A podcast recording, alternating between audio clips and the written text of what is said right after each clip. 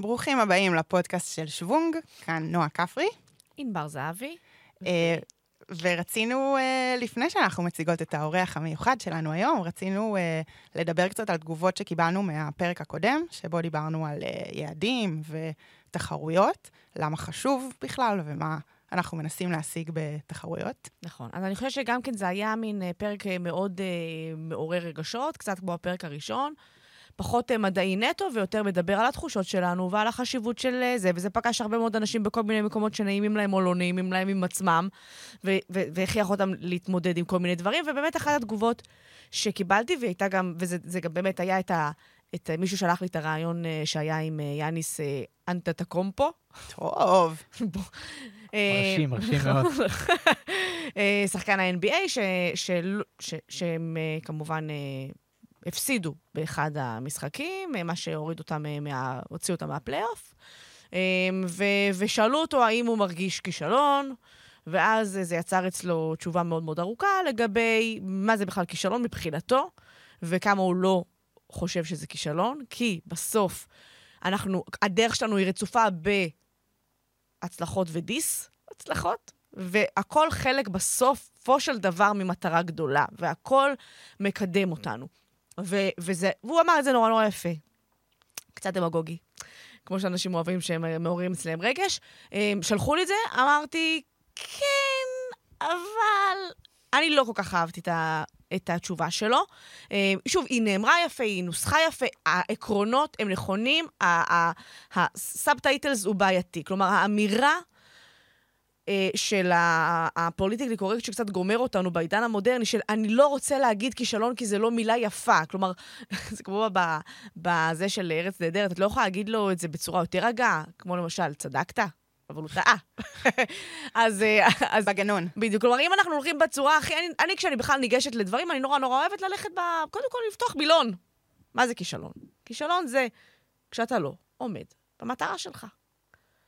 עכשיו, זה שנכשלתי הפעם, כלומר, ה- כלומר, הייתה לך מטרה. המטרה בוודאי לא הייתה להפסיד את המשחק, היא הייתה לנצח את המשחק. ניצחת? לא, נכשלת. כאילו, הכל בסדר.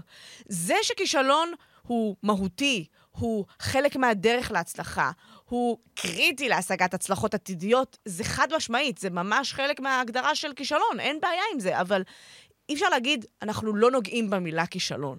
או כמו שהיה היה את אתגר ההורים, כזה, זו סדרה עכשיו במאקו, שאמרו, אין כישלון, רק, אה, רק אה, אין אה, טעויות, רק למידה. נכון. אבל לא, זה בסדר. ש, כאילו, הטעויות הן חלק מלמידה, כישלון הוא חלק מ, מ, מהצלחה אחרת בהמשך. וצריך להגיד את זה, וזה בסדר. כלומר, אני חושבת שאחת הבעיות שדיבר, שגרמה לי בכלל לדבר על הפרק שדיברנו אתמול, זה איזושהי הרגשה שיש לאנשים חשש מכישלון. וגם, ולא רק חשש מכישלון, כלומר, החשש מכישלון גם גורם להם, גורם להם לא להתחרות לפעמים, אבל מעבר לזה, בכלל לא להציב מטרות. כי אם אני אגיד, אני רוצה לעשות אה, 3 ו-20 במרתון, ואני לא אצליח, אז נכשלתי ולא בא לי להיכשל. אז אני מעדיף להגיד שמה שיוצא אני מרוצה, אני באה בשביל החוויה, העיקר הגעתי, קמתי בבוקר. לא, כאילו זה בסדר לשים יעדים, זה חלק מה... אנחנו אם לא, לא נשים יעדים לא נצליח. ואם לא נשים... ובידיעה שגם ניכשל. אבל, אבל אנחנו, אם אנחנו רוצים להצליח, אנחנו צריכים להצ... להציב יעדים, ואם אנחנו מציבים יעדים, אנחנו צריכים לדעת שיכול להיות שנתאכזב כי לא נצליח להשיג אותם, וזה חלק מהתהליך. אגב, עוד דבר שהוא אמר זה, אם היית שואל את, אה, כאילו, האם מייקל ג'ורדן אה, אה, אה, נכשל בגלל שהוא לא ניצח בתשע אה, אליפויות, ואז כולם כאילו חושבים לעצמם, ברור שלא, אבל אם אתה שואל את ג'ורדן, חד משמעית. חד משמעית, התשובה שלו, נכשלתי. כישלון כחלק מהתהליך ובדרך להצלחה. בדיוק, ושלא צריך, ושלא צריך להתבייש מהמילה כישלון. יאללה, אז נתחיל בפרק.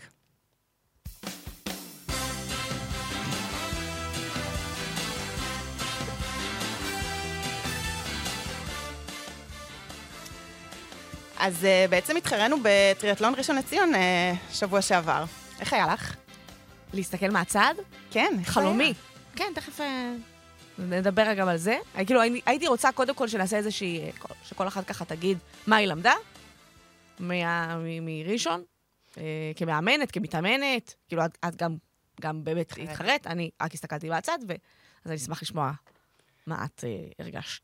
אז אני מאוד אוהבת את טריאטלון ראשון לציון, בדרך כלל זה הטריאטלון הראשון שפותח לנו את העונה, הטריאטלון ספרינט, שככה מכניס אותנו לעצימויות, לכיף, להחלפות, אה, והרבה שנים שאני מאוד נהנית שם. אה, הפעם הגעתי ככה, לא על קו הבריאות, יום לפני כן שאלת אותי, אז את לא הולכת להתחרות, נכון? כן, בתקווה כזאת שתגידי לי, אני בן אדם שפוי, ואז נזכרתי שאין שום סיכוי. בדיוק. נראה לך, נועה קפרי. ו- וזינקתי באי ידיעה אם אסיים ואם אצליח לרוץ. אמ, וזה הרגשה שונה. אה, זה, זה תהליכים ודברים שאני אומרת לעצמי, ועכשיו אולי כולם יודעים, אבל כשאני עומדת על קו הזינוק, אף אחד לא יודע. אף אחת מהמתחרות שלי, אף אחד מהמתאמנים מהקבוצה ש, שצועקים ומעודדים אותי, ושצועקים לי על מסלול הריצה, יאללה, היא לפניי חצי דקה. ואני אומרת, בכלל, תודה שאני מצליחה עכשיו לרוץ. עזבו אותי מה קורה פה מסביב, מי נמצאת איפה, זה לא מעניין אותי היום. אה, וזה בדרך כלל תחרות, למשל לקדטים, הם משיגים שם סלוטים, כאילו זו תחרות לאנשים שהיא מאוד חשובה והם מתכוננים אליה, ואני באתי ב vibe אחר, אז זה הלמידה הכי גדולה ש- שהייתה לי. לא כולם יודעים איפה את, ותתרכזי במ- במה שאת נכון. צריכה היום להשיג, גם אם זה לא... נכון, שזה גם מה שדיברנו עליו בפרק הראשון, על מוטיבציה ומאיפה אני מביאה אותה, ומה מה חשוב, ואיך, ואיך העובדה שאני מתרכזת בתוכי עוזר לי בסוף, לה, לה, כאילו, להגשים את המטרות שלי, למרות שבסוף הרבה פעמים כן ברצון שלנו גם אולי להיות ראשונים או שניים, או כאילו, כן, משהו יחסי, ועדיין ביום עצמו אנחנו צריכים להתרכז בעצמנו. אמ, אז מה אני, איתך? מה למדת? אז, אה, אז ככה, אז אני הגעתי מהצד, באתי בבוקר מוקדם מאוד, ככה עשיתי את השואו האהוב עליי, להיכנס לשטח החלפה, לעבור מקום אחד-אחד. לצעוק על כולם. אוהבת, אוהבת, לא יכולה, לא יכולה להסתיר את זה. מה אתה שם פה כפפות? כל אלה של- גרביים. של טרנדון, מי צריך? אז קצת יבלת לא תהרוג אף אחד. ציוד אה, באוויר, מלא מלא בדיוק, ציוד מלא באוויר. ציודים, לא צריך את זה, לא צריך את זה, לא צריך את זה, בוא, תהפוך את זה ככה, שיהיה לך יותר מהר לחבוש את זה, בלה בלה בלה. אה, ואז, אה, עכשיו, תמיד, גם, גם לפני זה, אנחנו יושבות תמיד, כותבות תדריך מאוד מסודר לכל תחרות ותחרות, דגשים, עניינים, ויש איזשהו ניסיון להתחק... לנסות כל פעם לחזור לתחרות שהייתה לנו, להבין מה היה, מה היה יותר קשה. מעבר לדברים, לנתונים הרגילים של איך, כמה אחוז להיות בריצה וכמה ברכיבה, לנסות לחשוב, רגע, אבל פה יש עלייה, אז שם תורידו, שם יש סיבוב, תשימו לב, שם יש... שמש. כן? השמש, איפה היא, האם היא תהיה בעיניים, האם היא תהיה באחור, כאילו, כל פעם לנסות להתחקות, ו... והפעם היה עוד איזה נקודה שחשבתי עליה רק בבוקר שהגענו, אז אנחנו מגיעים, ואני מתחילה, אמרתי, יאללה, בואו ניפגש על קו המים, כדי גם לעבור על קצת דברים ש... שקשורים ביציאה מהים וכאלה, ובעודי הולכת לקו החוף, קשה לי. אני קולטת שוואלה, זה לא פשוט ללכת את כל הדרך הזאת בחול העמוק, ואז פתאום... בכל זאת, אה, שבוע אחרי מרתון וינה, לא נכון. פשוט. לא, אבל בכלל, אני חושבת שזה פשוט כאילו נזכרתי בכמה הדרך הזאתי מהחוף לים, שאת גם, נגיד, ב- גם בנתניה כולנו זוכרים שיש שם עלייה. אבל אנחנו מיד מגיעים אליה, והיא- והיא נורא נורא ויזואלית. בראשון, הדרך מהים לחוף היא יחסית ארוכה. זה מקטע יחסית ארוך של חול רך. נעים, מפנק. גם בתור מי שמפיקה את האקוואטלון שם, זה אחד הדברים שהופכים את האקוואטלון הזה למאוד מאוד קשה. זה שיש לך גם יציאה, גם חזרה, מקטע מאוד מאוד ארוך, על, כלומר שעל הסך הכל ריצה שיש לך, שזה כלום, כי זה מקצה מאוד מאוד קצר, אתה המון המון בתוך חול רך. ואז נזכרתי בזה, ואז אמרתי, חבר'ה, זה הולך להיות פה אירוע. ואז תמיד נזכרתי איך זה תמיד נראה, לעמוד מהצד, לראות את האנשים יוצאים, גמורים, עוברים להליכה, מתחילים ללכת. אמרתי להם, לא משנה מה, אתם לא הולכים.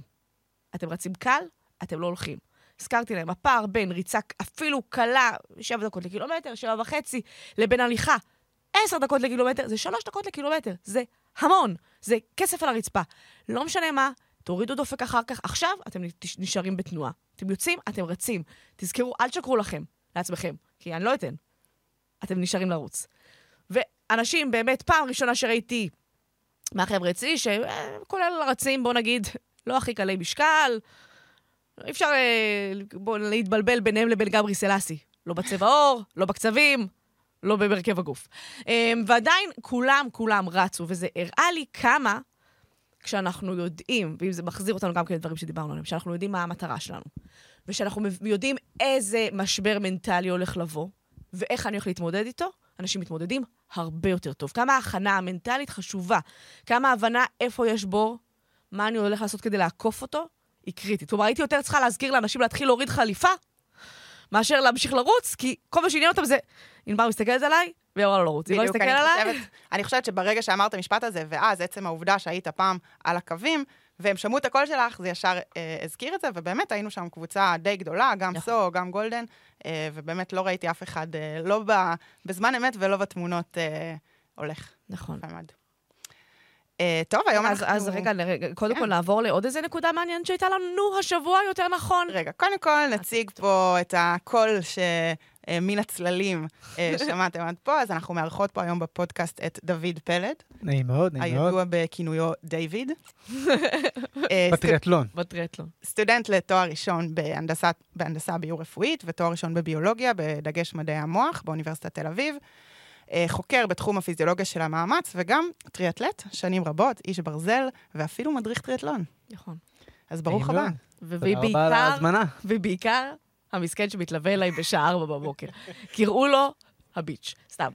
שיושב בתחנת בו- אוטובוס מוקדם בבוקר, הוא אומר, אולי לא תתעורר. ומסתכלים, רגע, מתי מגיע הוואן לאסוף אותו לבניין, ולא. לא. קרוב. מהשטחים. עם אה, רגע. קפה שחור. בדיוק. אז, אז בוא, אז בוא, בוא, אם כבר דיוויד כאן, בוא, בוא, בוא נשתמש בהזדמנות כדי לצחוק קצת על כפרי, חייבים, חייבים. שחזרה השבוע מליקוק חמציצים וספירת נשימות וסדת ויפסנה. כמו שאנחנו שמים לב, היא כבר מתרגלת את זה ביום-יום שלה, היא שומרת על זכות השתיקה. יפה. אז ספרי לנו קצת, נועה, מה, איך היה, מה היה? מה עשיתם? אני חשבתי שהזמנו את דיוויד בשביל לדבר על פיזיקה, על אווירודינמיקה, אבל קודם כל, לא, לא הבנתי קודם מה כל מה צריך הולך לצחוק לקרות על פה. נועה כפרי, סליחה. אה, אז כן, חזרתי דולפין. אה. הייתי בעצם באתגר ש- שניסיתי הרבה שנים ללכת אליו, ואף פעם לא הצליח. אה, תמיד היו דברים יותר חשובים, כמו עבודה, כמו אימונים. כמו לדבר, כן, לאכול בין 12 ל-8. לאכול אחרי 12. אז סדנת ויפאסנה, למעשה, באמת, כמו שאני הכרתי אותה, לפי הסטיגמה, זה סדנה של שתיקה. וידעתי ששותקים, ידעתי שאסור לאכול אחרי 12, ידעתי שקמים ב-4 בבוקר והולכים לישון ב-10 בלילה, אה, אין פלאפונים, אה, אין ספר, אסור לכתוב, אז ידעתי כל מה שאסור. אה, הייתה הרבה דברים, אז סדנת ויפאסנה ביחס למישהי שלא הייתה. ולכן זה היה נשמע לי כמו אתגר מאוד מטומטם שאני חייבת ללכת אליו, אבל לא ידעתי בעצם מה כן עושים בין לבין. אז אוקיי, אז קמים ב-4 בבוקר, הבנתי שאסור לעשות כלום, ועד 10 בלילה, אבל מה כן עושים? אה, וזה היה מאוד מעניין, אה, לימוד אה, וכלים מאוד מעניינים, שבעצם מה שכן עושים זה הליכת מדיטציה וישיבת מדיטציה. ולא סתם אני מורידה את הטון ואת הקצב כשאני אומרת את זה, כי זה בהחלט, זה הקצב שבו החיים שם נראים. מקום מאוד פסטורלי, מאוד יפה, אבל לא קל שאתה עם עצמך בלבד. אין שום הסחות דעת, שום אופציה לא לשמוע אנשים אחרים מדברים, להתעסק במשהו אחר, לקרוא איזה משהו, לדפדף באינסטגרם, שום דבר. זה אתה תקוע עם המחשבות של עצמך. אה, הסיטואציה הכי קרובה שיש זה איש ברזל. אתה פשוט תקוע עם עצמך שעות, ורק מספר לעצמך סיפורים בראש, שר לעצמך שירים בראש, ועוד יותר גרוע, זה שאפילו זה אסור. כלומר, כל מחשבה שיש על לא, מה שקורה עכשיו, אני מרימה את רגל שמאל, אני מרימה את רגל ימין, השרעפת עולה, השרעפת יורדת, אם זה מדיטציית ישיבה. בעצם כל פעם שחושבים על משהו אחר, אם פתאום שומעים איזה רכב נוסע בחוץ, אם פתאום רואים איזה חתול עובר, אז... וזאת המחשבה ש... שעכשיו עברה לי בראש, אז אני צריכה, מה שנקרא, להתיידע, ולהגיד לעצמי, עברה לי בראש מחשבה. לעצור, ולהמשיך במדיטציה. אז אפילו אסור לחשוב על המחשבות ה... אז האמת שזה נורא מעניין, כי כאילו, הרבה פעמים אנשים שהם מגיעים אה, לספורט הזה אומרים, זה הפסיכולוג שלי, זה במקום תרופות, זה המדיטציה שלי, אני ככה, אני עושה מדיטציה. עכשיו, הם אומרים את זה, אבל אני לא בטוחה שכולם מבינים את המשמעות של טיפול פסיכולוגי, מה זה עושה לך, האם זה באמת מחליף את זה, כאילו, האם, האם באמת הספורט, שהוא נהדר, הוא נפלא, כולנו אוהבים אותו, האם הוא באמת הפתרון להכל? האם הוא מחליף את הכל? כלומר, כולנו אומרים, "האם זה מדיטציה, האם זה באמת מדיטציה? אני כאילו אמרתי את זה, ואז אמרתי, תכלס, כאילו, מאחורי כל הצחוק אמרתי, כפרי, לכי, ספרי לי מה זה מדיטציה. כאילו, אני לא יודעת אם מה שאני עושה זה זה, ובעצם, כן ולא. כלומר, היו לי כל מיני חושים של כן, ואנחנו מדברים על זה פה, על, על היכולת להתכנס לעצמי, להתרכז במה שאני עושה, לא להתרכז בהוא עקף אותי, ההוא לא עקף אותי, הנה אני צריכה להגיע אליו, אני, כאילו, היכולת כן, מספרים, מה אני רוצה להיות, האם אכלתי. זה כאילו, כן להתרכז בדבר ולא להתרכז ברעשים, שזה אולי כן מדיטציה, אבל האם באמת כולה, כל מי שעושה איש ברזל עושה מדיטציה? קודם כל, לא בטוח. ממש לא. אפילו לא לחשוב מה אני הולכת לעשות, כלומר, לחשוב מתי אני הולכת לאכול, זה כבר לא מדיטציה. כן. מדיטציה זה רק מה אני עושה עכשיו. עכשיו אני מפדלת, אפילו לא מפדלת. עכשיו אני מושכת את רגל ימין, עכשיו אני דוחפת את רגל ימין. האמת שהדבר שיותר מזכיר זה שחייה. כי בשחייה באמת את לא יכולה לדבר עם אף אחד, ואת רק חושבת על התנועות של הגוף שלך עכשיו, ברגע זה, איך הכנסתי את היד, איך אני גורפת, איך אני מוציאה. זה אולי טיפה דומה, ובאמת ניסיתי לחשוב ככה, לפחות זה הדבר היחיד שהחזיק אותי, תוך כדי לחשוב על אה, מה קווי דמיון ומה אני יכולה לקחת מזה לטריאטלון ולספורט.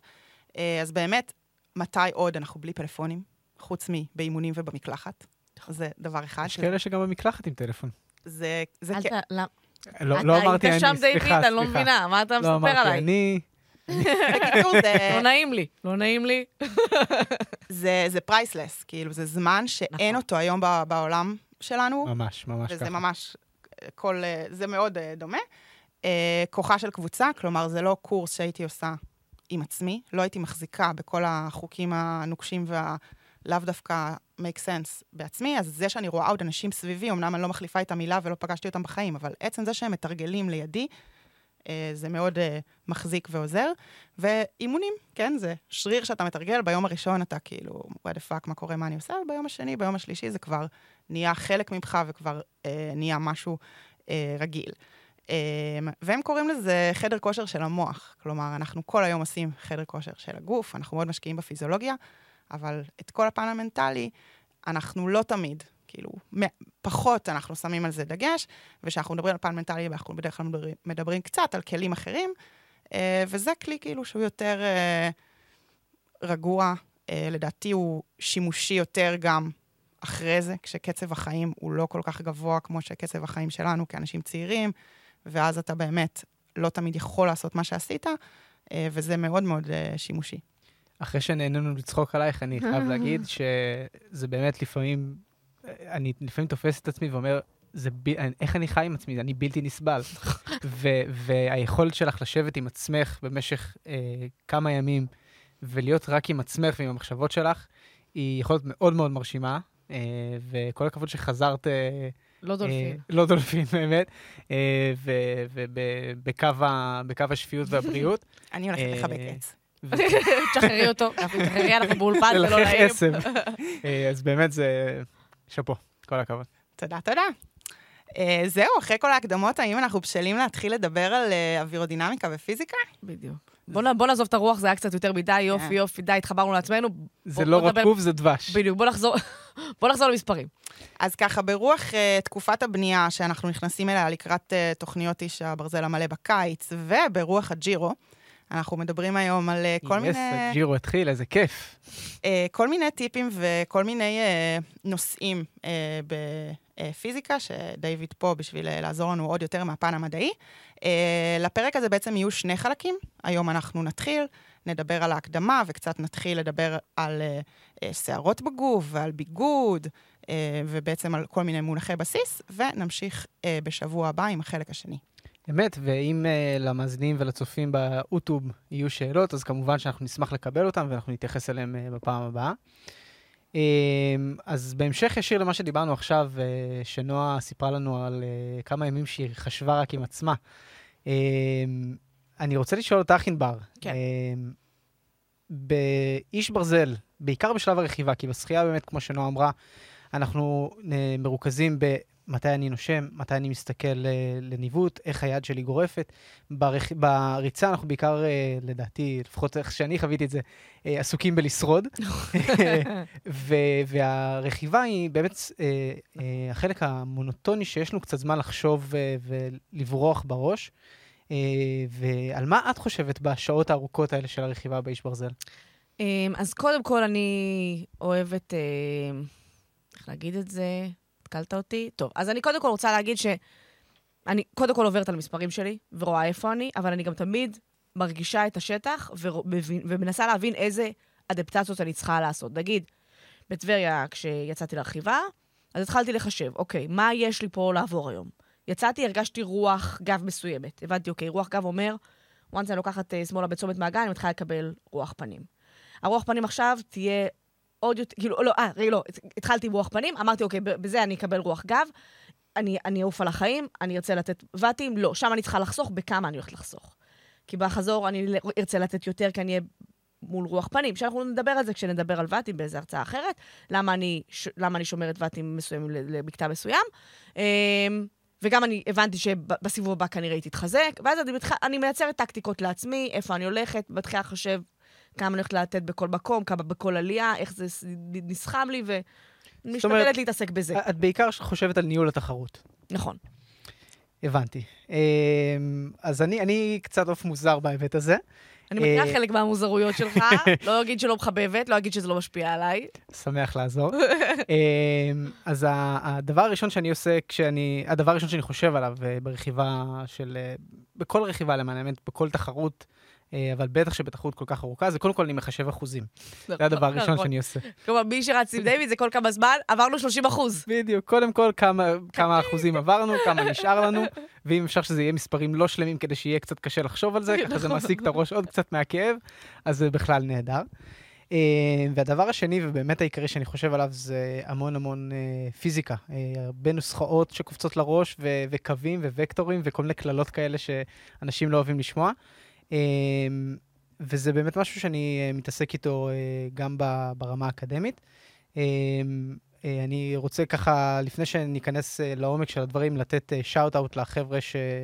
מאוניברסיטת תל אביב, שבאמת מלווים אותי בתהליך הזה, והם חלק בלתי נפרד מאיך שאני תופס את הספורט, גם בתור ספורטאי בעצמי וגם בתור מאמן. אז חבר'ה של המעב- המעבדה של דוקטור יפתח גפנר בפקולטה לרפואה, אה, עירית מרקוס, הדוקטורנטית שמלווה אותי ככה מאוד מאוד צמוד, וצחי ויאיר להב, ואריאלה ורון וכל המסטרנטים. אה, ודוקטור קרן קונסטנטיני, אה, פיזיולוגית אה, ממכון סילבן אדמס אה, לספורט באוניברסיטת תל אביב, ואביתר, המהנדס מעבדה שם, שעם אביתר יש לי שיחות מאוד מאוד עמוקות על, אה, על כל הנושא הזה של אה, פיזיקה ואווירודינמיקה, זה גם מה שהוא הולך לעשות בדוקטורט שלו. אז, אז אם ניכנס קצת ל, למדע ולמה קורה שם באמת כשאנחנו רוכבים על אופניים, אז אנחנו בעיקר אה, ב- בתקופה, בכמה שנים האחרונות נכנס הנושא של מד הספק, מד ואטים, אה, לשימוש מאוד מאוד נרחב אה, אה, בעולם הרכיבה. זה נחשב, נכנס עכשיו גם קצת לריצה, אבל זה מאוד נפוץ בעיקר בעולם הרכיבה כרגע. אה, ו, ובעצם הניהול של התחרות והאימונים, אנחנו עושים אותו, אה, לרוב נרצה לעשות אותו על פי הספק, כדי באמת למטב את הביצועים שלנו. אז קודם כל, מה זה מד, אה, מד אה, ספק, מד ואטים? מה אנחנו מודדים שם? אז בעצם מד ואטים, או בשם הנכון שלו, מד הספק, מודד את, ה, את כמות העבודה הפיזיקלית. זאת אומרת, כמה אני מתאמץ בכל רגע נתון. אה, ואיך הוא עושה את זה? אז הוא עושה את זה, יש שם אלגוריתם אה, מאוד מעניין, אבל אה, בסך הכל, אם אני מפשט שם את הדברים, אז הוא מודד את כמות הכוח שאני מפעיל על הפדל, ושוב, בפישוט מאוד מופשט של הנוסחה הזאת, הוא מכפיל אותו בקדנס, אז כוח כפול קדנס מייצר לי כמה הספק נתתי בכל רגע נתון. Um, אז אנחנו מבינים שכדי לשפר קודם כל את ההספק שלנו, אנחנו יכולים uh, להתחשב בשני פרמטרים. קודם כל, אנחנו יכולים להגדיל את הכוח שבו אנחנו לוחצים על הפדל, והדבר השני שאנחנו יכולים לעשות זה באמת להגביר את הקדנס. ואפשר אנחנו, אם- אפשר להגיד שכל רוכב יכול לעשות את זה, בין אם הוא רואה את המספר הזה במד הוואטים שלו, ובין אם אין לו מד ואטים. אם הוא ישקיע יותר כוח ואם הוא יסובב יותר מהר, עדיין הכוח שהוא יפיק יהיה יותר גדול. ממש ככה, ממש ככה. ו- וגם הבנה שלכל צד בתוך המשוואה הזאת יש מגבלה מסוימת. כלומר, אני לא יכולה להעביר רק את הכוח שלי מ- מסיבובי רגליים, כי אני לא אוגר שיש לו יכולת אה, לרוץ עד במהירות אינסופית על איזה גלגל, ואני גם לא יכולה מתוך כוח, כי מה אני אעשה בסוף? אני אקפוץ על הפדל כדי לייצר את המקסימום? נכון, נכון. אז יש באמת מגבלה לשני הצדדים של המשוואה הזו, ויש לה, אה, לכל אחד מהאגפים האלה מקסימום. אה, ובאמת, כמו שנועה אמרה, גם בלי מד הספק אפשר לחשוב על הדברים האלה ולהרגיש אותם בתחושה, גם בלי שיש לי מד קדנס, אני יכול להרגיש את הדבר הזה.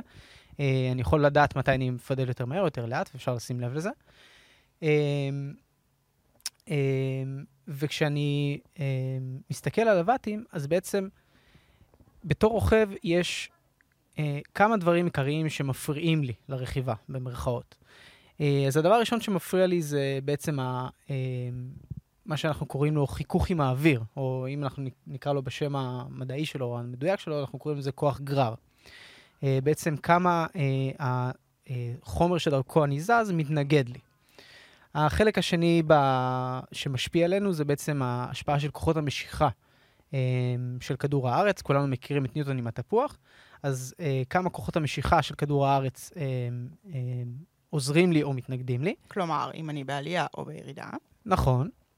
והחלק השלישי הוא מה שאנחנו קוראים לו ה-rolling resistance, ההתנגדות אה, שמגיעה בעיקר, בעיקר, בדיוק, בעיקר מחיכוך בין הצמיגים לכביש, או במערכת העיניה של האופניים שלי, אה, כמה השרשרת שלי נקייה וכמה האופניים שלי והמעביר שלי נקיים. אה, אז אלה שלושת הגורמים העיקריים שמתנגדים לנו ב- כשאנחנו רוכבים על אופניים. עכשיו, אם אנחנו רוצים להסתכל ולהבין בעצם איך כל אחד מהגורמים האלה משפיע, אז אפשר להסתכל על זה בעיקר ב- בשלושה אה, אה, סיטואציות שונות. אה, כשהראשון מביניהם שנדבר עליו יהיה באמת מקטע נגש, שטוח, רוכב בודד. חשוב לציין שכל מה שאנחנו נדבר עליו היום מתייחס לרוכב בודד במקטע נגש ולא בפלטון. אה, אז אם אני מסתכל על מקטע שטוח, מקטע נגש שטוח, אז אנחנו לרוב נרצה, כשאנחנו רוכבים, בטח במקטע שטוח, אה, לרכוב בעצימות ומהירות שהיא קבועה, שהיא בלי האצות פתאומיות. אה, עכשיו, אה, זה אומר שבעצם החלק של התאוצה שלי, של כמה אנרגיה אני משקיע לשנות את המהירות שלי, הוא פחות משפיע. שוב, בצורה המתמטית, אנחנו גם נוסיף אה, לתיאור בפודקאסט את הכתבה שכתבנו עם כל המשוואות למי שמתעניין, אה, יוכל לראות שם הכל בצורה מספרית. אה, אז בעצם ההשפעה של התאוצה היא קצת פחות אה, אה, רלוונטית שם, ובגלל שאנחנו מדברים על מקטע שטוח, אז גם לזוויות אין אה, השפעה. רגע, אבל אנחנו מדבר, שוב, אנחנו מדברים על זה שאני אעדיף עצימות שהיא קבועה בגלל עניינים של אווירודינמיקה כזאת או אחרת, או בגלל עניינים אנרגטיים. אז אנחנו מדברים על... ניהול על- אנרגטי ניהול יותר. אנרגטי, נכון, אוקיי. נכון, נכון. חשוב להגיד את זה. אמ, אה, זה אומר שבעצם ה- ה- הדבר העיקרי שיפריע לי ב, אמ, אה, כשאני רוכב במקטע שטוח, יהיה התנגדות עם האוויר, כוח הגרר, החיכוך עם האוויר, מה שקראנו לו. אמ, ואם אנחנו נסתכל אה, על הנוסחה של, אה, של כוח הגרר, אנחנו נראה שהיא בעיקר, בעיקר תלויה ומשתנה ב- אה, לפי שטח הפנים. זאת אומרת, בהיבט של רוכב בודד במקטע נגש, מה שישפיע בעיקר יהיה שטח הפנים. ולכן באמת אנחנו נרצה אה, במקטע כזה שהוא שטוח, אה, להיות כמה שיותר אווירודינמיים, כמה שיותר מכונסים בתוך עצמנו.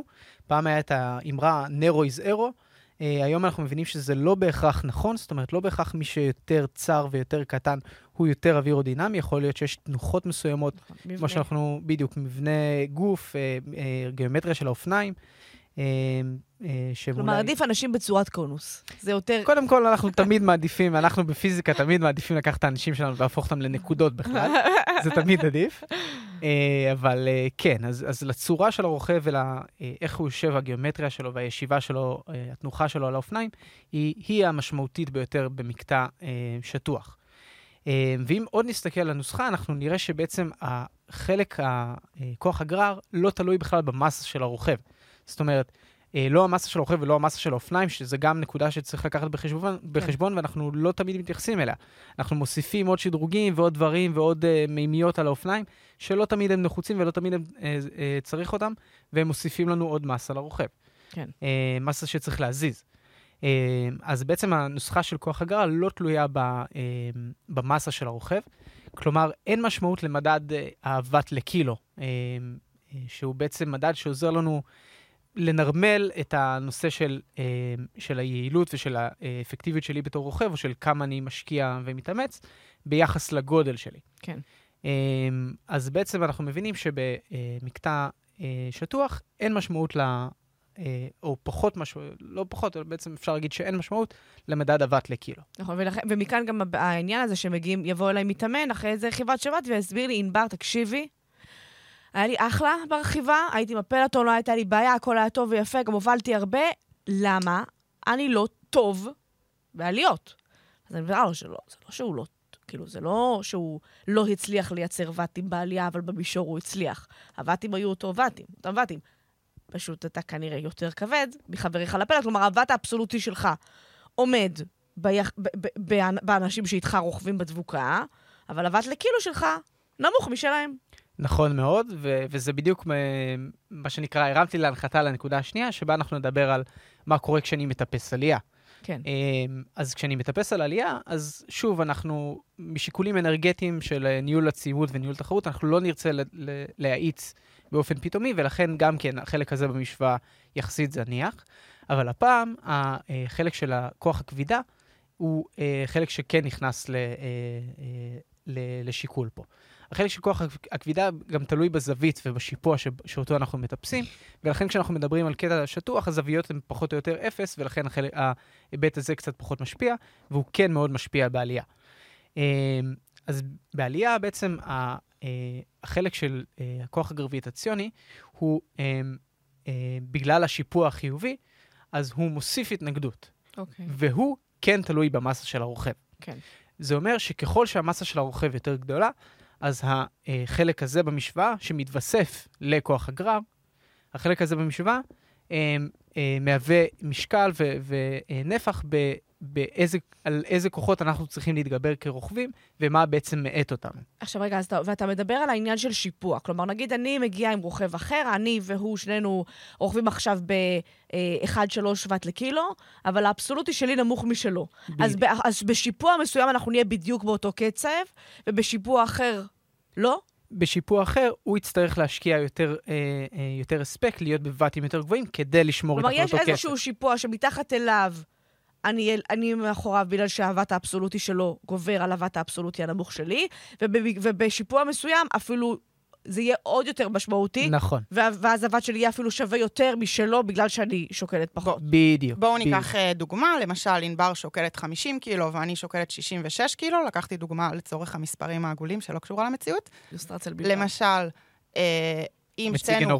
אם שתינו נרכב במישור ב-200 ואט, אז ענבר תצטרך להשקיע פי 4 מהמשקל שלה בשביל להגיע לוואט אבסולוטי של 200 ואט, ואני אצטרך להשקיע רק פי 3. נכון. ויהיה לי יותר קל, אבל שתינו רוכבות אחת ליד השנייה ב-200 ואט, מבסוטיות. אם אנחנו מגיעות לעלייה, אז פה כל אחת מאיתנו שצריכה להשקיע הרבה יותר אה, ולהזיז את המשקל גוף שלה, ויש הרבה יותר נוכחות, כמו שדיוויד אמר, לכוח המשיכה, ולא בטוח שנצליח אה, לעשות כזה דבר בשביל שתינו, שנהיה על 200 ואט ונצליח להתקדם באותה מהירות בעלייה, וכנראה שאני אפול אחורה. אז רק כדי לדייק את מה שאמרת אה, לגבי המישור, בעצם אה, תחת אותו הספק, זאת אומרת, אם שתיכם תהיו באותו, אה, באותם ואטים, שתיכם תרכבו באותה מהירות. אפילו שזה- שבבת לקילו, אני על יחס גבוה נכון, יותר. בדיוק. היחס של ואט לקילו אצלך יהיה יותר גבוה באמת, אבל ה- הוואט האבסולוטי הוא זה שיגיד לי מה המהירות שבה אני רוכב. כן. לעומת העלייה, בדיוק כמו שהסברת. אה, עכשיו, נקודה שחשוב להתחשב בה כשאנחנו מטפסים, אה, היא כן כוח הגרר. אמנם המהירויות שם הן נמוכות בעלייה, כמו שכולנו מכירים, אבל עדיין יש, אה, אה, אנחנו יכולים גם לרכוב בשיפועים שהם יחסית נמוכים, ששם כוח הגרר כן משפיע בצורה כזו או אחרת. אה, ובעצם כלל האצבע מדבר על אה, מהירויות של בין 20 ל-25 קמ"ש, תלוי ברוכב ובמסה שלו, אבל במהירויות של בערך 20-25 קמ"ש, אה, החל מאותן מהירויות יש כבר השפעה מאוד גדולה אה, לכוח הגרר, ולכן כן דווקא, אה, למרות שאני בעלייה, אני ארצה כן לשבת על האירובר וכן לרדת נמוך ולהיות כמה שיותר אווירודינמי. במהירות שהיא מתחת לאותה מהירות 20-25 קמ"ש, יש פחות השפעה לכוח נכון. הגרר, ולכן אה, מבחינה פיזיקלית אווירודינמית, יש פחות משמעות להאם אני יושב על האירובר או על הבייסבר, ו, אה, ויותר עניין של איזה קבוצות שרירים אני מפעיל ואיך יותר קל לי לייצר את ההספק שאני צריך. נכון, ובגלל זה נגיד, אני הרבה פעמים רואה את הרוכב שפעם ראשונה על נגש, פעם שנייה ווטאבר, עולה את העלייה על האירובר, ואני אומרת לו, וואט, וואט, מה אתה עושה? הרי, הרי, הרי, הרי החלק האווירודינמי הוא לא כזה משמעותי פה. ואני אומרת להם גם כנקו... כ... עכשיו, איך אני מדגישה להם את זה? פלטון. הרי במישור, אם אתה רוכב מאחורי מישהו, אתה 30% עובד פחות ממנו, ו- ואתה מתקדם באותו קצב כמוהו, בגלל שהוא, אתה עושה, אתה עושה דראפט עליו. נכון. לעומת זאת, בעלייה תשב לו בתוך ה top tube. כאילו, ממש, הכי, תצ... הכי תצוות שאתה יכול, זה לא יעזור לך. כי הגר הוא פחות משמעותי, ואגב, זה גם אחת הסיבות שאנחנו מדברים פה עכשיו בפרק הזה על רכיבה ולא על ריצה. נכון. כי גם בריצה אנחנו מן הסתם לא רצים ב-30 קמ"ש. רובנו, יש כאלה ש... ולכן זה פחות משמעותי. אמ, אבל עוד דבר שאני רוצה להגיד, הרי גם... אבל נגיד אני ו- ונועה שתינו רוכבות, ו- ונועה במשקל מעט יותר גבוה משלי, ולכן אנחנו... אבל עדיין במישור אנחנו כביכול צריכות את אותו הספק, אבל אולי גם נועה... אבל מה עם זה שנועה גם תופסת יותר מקום במרחב ממני? אז, אז כן, אז אולי לא מבחינת כוח הכבידה, כי שם זה לא משמעותי, נכון. אבל כן יש לי את עניין הגרר, שהוא נכון. כן משמעותי. נכון, אז זה בדיוק הנקודה ש, ש, שעליה דיברתי. בעצם העניין שטח הפנים שנועה תופסת לעומתך, יהיה משמעותי באמת במהירויות שהן יחסית גבוהות, מעל כן. 20-25 אבל, אבל עדיין קצת פחות מאשר כוח הכבידה. ב- באופן יפה. משמעותי. וגם פה אנחנו צריכים לדע, להגיד שזה שבן אדם הוא יותר כבד, לא בהכרח אומר שהוא פחות, שהוא בדיוק פחות אווירודינמי כמו בן, עוד, עוד בן אדם ששוקל כמוהו, כי כן, יש פה עניין גם של הרכב גוף. כלומר. שיכול להיות שבן אדם הוא, הוא שוקל הרבה, אבל הוא לא שמן, כלומר, הוא ושל- מאוד שרירי, ולכן הוא יותר מכווץ. ושל, בדיוק. ושל תנוחה על האופניים, הוא יותר גמיש. נכון, נכון. יותר- יותר טוב, יותר נכון, מנוסה. יכול להיות שזה, אבל יש לו קרס, זה מפריע לו, הוא לא יורד לבד. אפרופו משקל, מה עם ירידות? נכון. אמ, אז בירידות אנחנו רואים אה, דברים מאוד דומים לעלייה, אבל בכיוון ההפוך. זאת אומרת, שוב, אנחנו, אה, בעליות אנחנו כמעט גם, אה, בטח במהירויות גבוהות, אנחנו לא, אה, לא מצליחים לפדל כדי ליצור מהירות, אנחנו סתם מסובבים את הרגליים, אה, ולכן, שוב, החלק של ההאצה הוא פחות משמעותי, אה, אבל לעומת זאת, החלק של הכוח הכובד בעצם תורם לנו ולא, ולא עוצר אותנו. זאת אומרת, הוא משפיע בצורה שלילית על אה, ההאטה. ולמי זה יותר? אומר- מה זה? למי יותר? כי כוח הכובד פועל על כולנו אותו דבר. יפה, אז, אז אה, בדיוק כמו שבעלייה דיברנו על זה שמי שכבד יותר, יש לו התנגדות יותר גדולה מכוח הכובד, אז בירידה זה בדיוק הפוך. מי שכבד יותר, כוח הכובד יעזור לו יותר. אה, באותו יחס כמובן. ולכן אה, אנחנו רואים הרבה פעמים ב- בירידות שחבר'ה שהם קצת יותר כבדים, מצליחים לרדת במהירויות הרבה יותר גבוהות ולרדת יותר בקלות, לעומת חבר'ה שהם יותר קלים, שבאמת קשה להם מאוד להחזיק בירידה את ה- ולהגיע למהירויות כאלה. Um, עכשיו, חשוב לציין גם שבירידה, uh, בגלל המהירות הגבוהה, על הגרר זה גם... בדיוק, אז יש השפעה מאוד מאוד גדולה על הגרר, ואם נסתכל שוב על המשוואה של הגרר, המתמטית, אז המהירות שם היא משפיעה בחזקת 3, נכון. לעומת... Uh, אנחנו פתאום על 60 קמ"ש בכלל בירידה, ולא על אה, 30 שאנחנו במישור, או 35 או 36. בדיוק, אז בעצם ההשפעה של המהירות על כוח הגרר היא בשלישית, לעומת ההשפעה על ה- אה, של כוח הכבידה, ששם המהירות משפיעה בחזקת 1. כן. זאת אומרת, ביחס ישר ולא פי שלוש, אה, בשלישית, לא פי שלוש. אה, אז בעצם אה, בירידה יש משמעות מאוד מאוד גדולה גם לשטח הפנים שלי, לאווירודינמיות שלי, של התנוחה שלי, של איך אני יושב. אנחנו מכירים אה, את, אה, את קריס פרום, את התנוחה המאוד מאוד מפורסמת שלו, שהוא היה יורד ירידות בטור ובג'ירו. אה, שהיה רוכן על גבי הכידון, זו תנוחה שהיום ה-UCI אסרו אותה, או את הסרטון המפורסם של הרוכב הסופרמן, אני קורא לו, כן. הוא פשוט שוכב על העוקף שלו, אז בעצם, אבל לא. אז בעצם יש משמעות מאוד מאוד גדולה אה, גם ל- אה, לתנוחה ולאווירודינמיות כשאנחנו יורדים, בנוסף למשקל. אבל זה בעצם ההסבר ומה שעוזר לנו להבין למה, כש, אה, למה רוכב ששוקל יותר, יותר קל לו לרדת באמת אה, את הירידות. אמ, טוב, סיימנו את אה, פרק המבוא וההקדמה. רגע, אבל בואו בוא נגיע עוד לעוד דבר אחרון.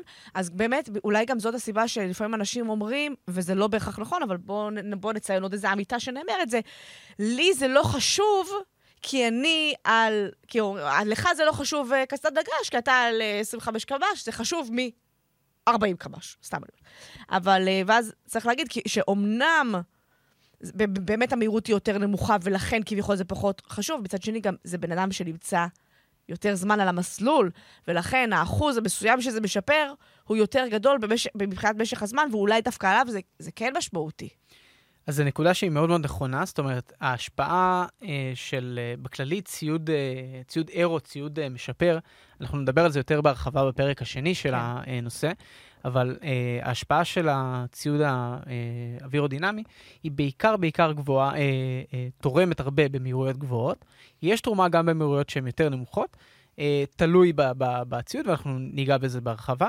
אבל אה, בהחלט, את אומרת, ובצדק, שגם לזמן על המסלול יש השפעה. נכון. זאת אומרת, אם אני נמצא יותר זמן על המסלול, אז הרווח שאני ארוויח מאותו ציוד יהיה יותר גדול, כי בסוף האחוז מהזמן, האחוז מהזמן שלי על המסלול הוא 6 דקות, 10 אם- דקות, ולא 5, כי כמו בן אדם שרוכב כמעט פי 2 מהקצב שלי. אם אני אגלח שערות ברגליים, וזה ישפר אותי ב-0.02 קמ"ש, ואני שעה על המסלול לעומת שעתיים, אז כמובן ש... שזה משמעותי יותר. בדיוק. אמ, ואם ניקח את הדוגמה שנועה נתנה לגבי גילוח רגליים, אז, אז זו נקודה שהרבה... שהיא כואבת. הרבה, קודם כל, היא ליטרלי כואבת. זה נכון.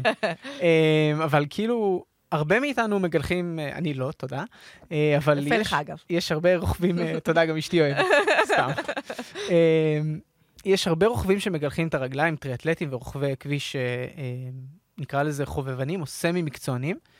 אמ, ואין הבנה באמת עמוקה ללמה עושים את זה. זאת אומרת, כאילו, מה, מה המשמעות לזה? למה, למה לעשות את זה? כדי להיות פרו.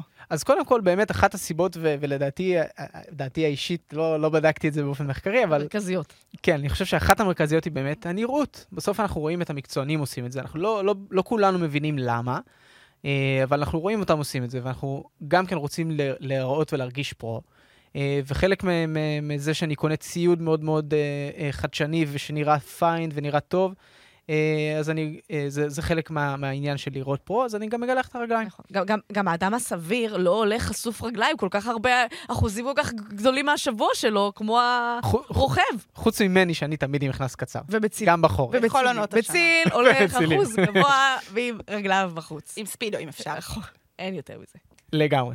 אה, אז זו לדעתי הסיבה העיקרית שבה, שבגללה אה, רוכבים חובבנים אה, מגלחים את הרגליים. אבל איזה עוד סיבות מאוד טובות יש לנו לעשות את זה? אז קודם כל, נושא התאוששות. הרבה ספורטאים נעזרים בעיסויים כדי להתאושש, ובסוף השערות ברגליים מפריעות גם ברמה של משיכה של השיער ומפריע לעיסוי עצמו, וגם להתאוששות עצמה. אז בעצם הגילוח של השערות ברגליים אה, גורם גם לעבודה של המעשה להיות יותר קלה ונוחה, אה, וגם אה, להתאוששות יותר אפקטיבית. אני שמעתי על לא מעט מהסוד שזה עסקת חבילה, קודם שעבה ואז עיסוי. מזל שלא פגשתי אותם. קודם כואב ואז נעים, למרות שיש שיגידו שזה גם לא נעים אחר כך. אה, אז אני עוד לא פגשתי אותם למזלי, אבל אה, כן, כן, זה נשמע מאוד הגיוני בסך וגם הכל. נושא של אה, פציעות, אם צריך חבישות. נכון, בדיוק. אז, רכיבה הוא ספורט יחסית, יש. בו סיכון, יש בו קצת סיכון, ו, ולפעמים גם נופלים, וזה קורה. אה, וכדי לא, שהפצע לא יזדהם, וכדי שנוכל באמת לחזור לפעילות אה, באופן אה, מהיר ו, ואפקטיבי, אנחנו רוצים לחבוש ולסגור את הפצע הזה. אז, אז, או גם kinesio tape למיני, למיני הולך... ת- למשל. לא, לא שזה אתה, נשמה. בדיוק. אז אוקיי, דיברנו על כל המסביב, עכשיו תן לי את הרווח האווירודינמי שיתקיים רגע, אבל מזה. דבר אחרון שאמרנו, זה לא רק העניין של החבישות, זה גם הרבה יגידו, אופנוענים וכאלה, ש... שבמקרה של התרסקות ואיזשהו גילוח של עצמך על הכביש, אז התלישה של האור יכולה להיות הרבה יותר אגרסיבית למי שיש לו שיער. אה, יכול להיות, לא ניסיתי את זה, אני חייב להודות. לא, אבל זה, אבל, אה, אבל זה ככה- נשמע אבל הגיוני. יש פה עניין שהוא, שהוא ממש בטיחותי. לגמרי, לגמרי. ואם אנחנו מסתכלים על הרווח של זה, בסוף התכנסנו פה לדבר על נכון. אה, אווירודינמיקה, אז נכון. דיברנו פה עד עכשיו על, על סיבות שהן. נחמדות, אבל הן בדיוק מסביב. אז אם אנחנו מסתכלים על הרווח של זה, אז במהירויות גבוהות, 50-60 קמ"ש, אנחנו מדברים על אה, משהו כמו צמצום של 5 עד 7 אחוז מכוח הגרר, שזה, אופן, שזה כמות מאוד מאוד נכבדת אה, מכוח הגרר שמופעל עלינו. עכשיו, כנראה שרובנו לא רוכבים במהירויות כאלה. אבל גם, וגם בוא נגיד שחמישה אחוז מכוח הגג זה לא תוספת של חמישה אחוז בק- בק- לגמרי. במהירות. נכון, נכון. בוא נעשה אנחנו- שנייה סדר. נכון, אמ, אבל היא, היא תרומה מאוד מאוד משמעותית. אה, רובנו לא רוכבים במהירויות כאלה, בואו נשים את הקלפים על השולחן, אבל גם לרוכבים במהירויות נמוכות של אה, אזור ה-30 קמ"ש, גם כן יש איזושהי תרומה שאם הייתי צריך להעריך ולכמת אותה, הייתי אומר שבאזור ה-0.102 קמ"ש, אה, על גבי אה, אה, מהירות של בערך 30 קמ"ש, אה, שהיא תרומה לא קטנה בכלל. מה אה, לגבי אה, שיער פנים? כי ממש מתחשק לי לגדל שפם בדיוק. אז אה, שיער פנים... אה, נקודה שנוגעת אליך, איפה הז- איפה הזקן? התייפייפתי לכבוד ההסכת. מודה לך.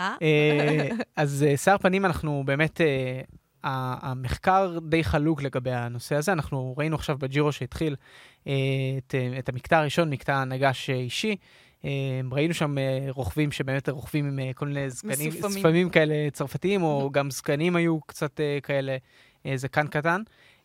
ומי שראה את, את, ה, את הקסדות, את הקסדות, סליחה, יש לומר, נכון. קסדות החדשות של Specialized עם הכובע גרב הזה שהם שמים. כמו שאבנפול רכב. בדיוק, אבנפול המנצח של השלב, אלוף העולם הנוכחי ברכיבת כביש.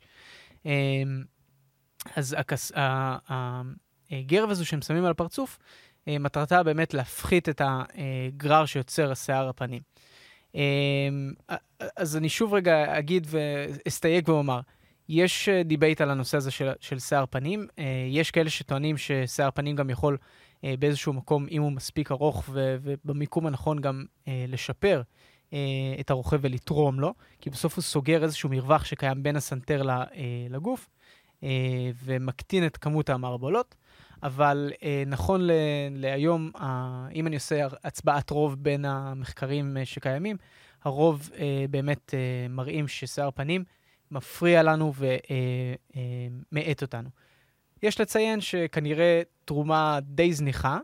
אה, זאת אומרת, ל- לרוכב החובבן אה, ולספורטאי החובבן, אם הוא אוהב את איך שהוא נראה עם זקן, להתגלח לתחרות כנראה לא מה שיעשה את ההבדל הגדול, אבל לרוכבים אה, אה, מקצוענים, שבסוף אה, ראינו את אה, Sky, היום Ineos, שעושים על זה קריירה ממש, על מה שהם קראו לו marginal gains, הדברים הקטנים, הסלוטייפ על, ה, אה, על הבורג הוונטיל. באופניים, בדיוק, והוונטיל, הדברים הקטנים האלה שמתווספים ביחד אה, אה, לכדי משהו שהוא כבר נהיה במהירות משמעותי. גבוהה. בדיוק, לכדי משהו שכבר נהיה משמעותי.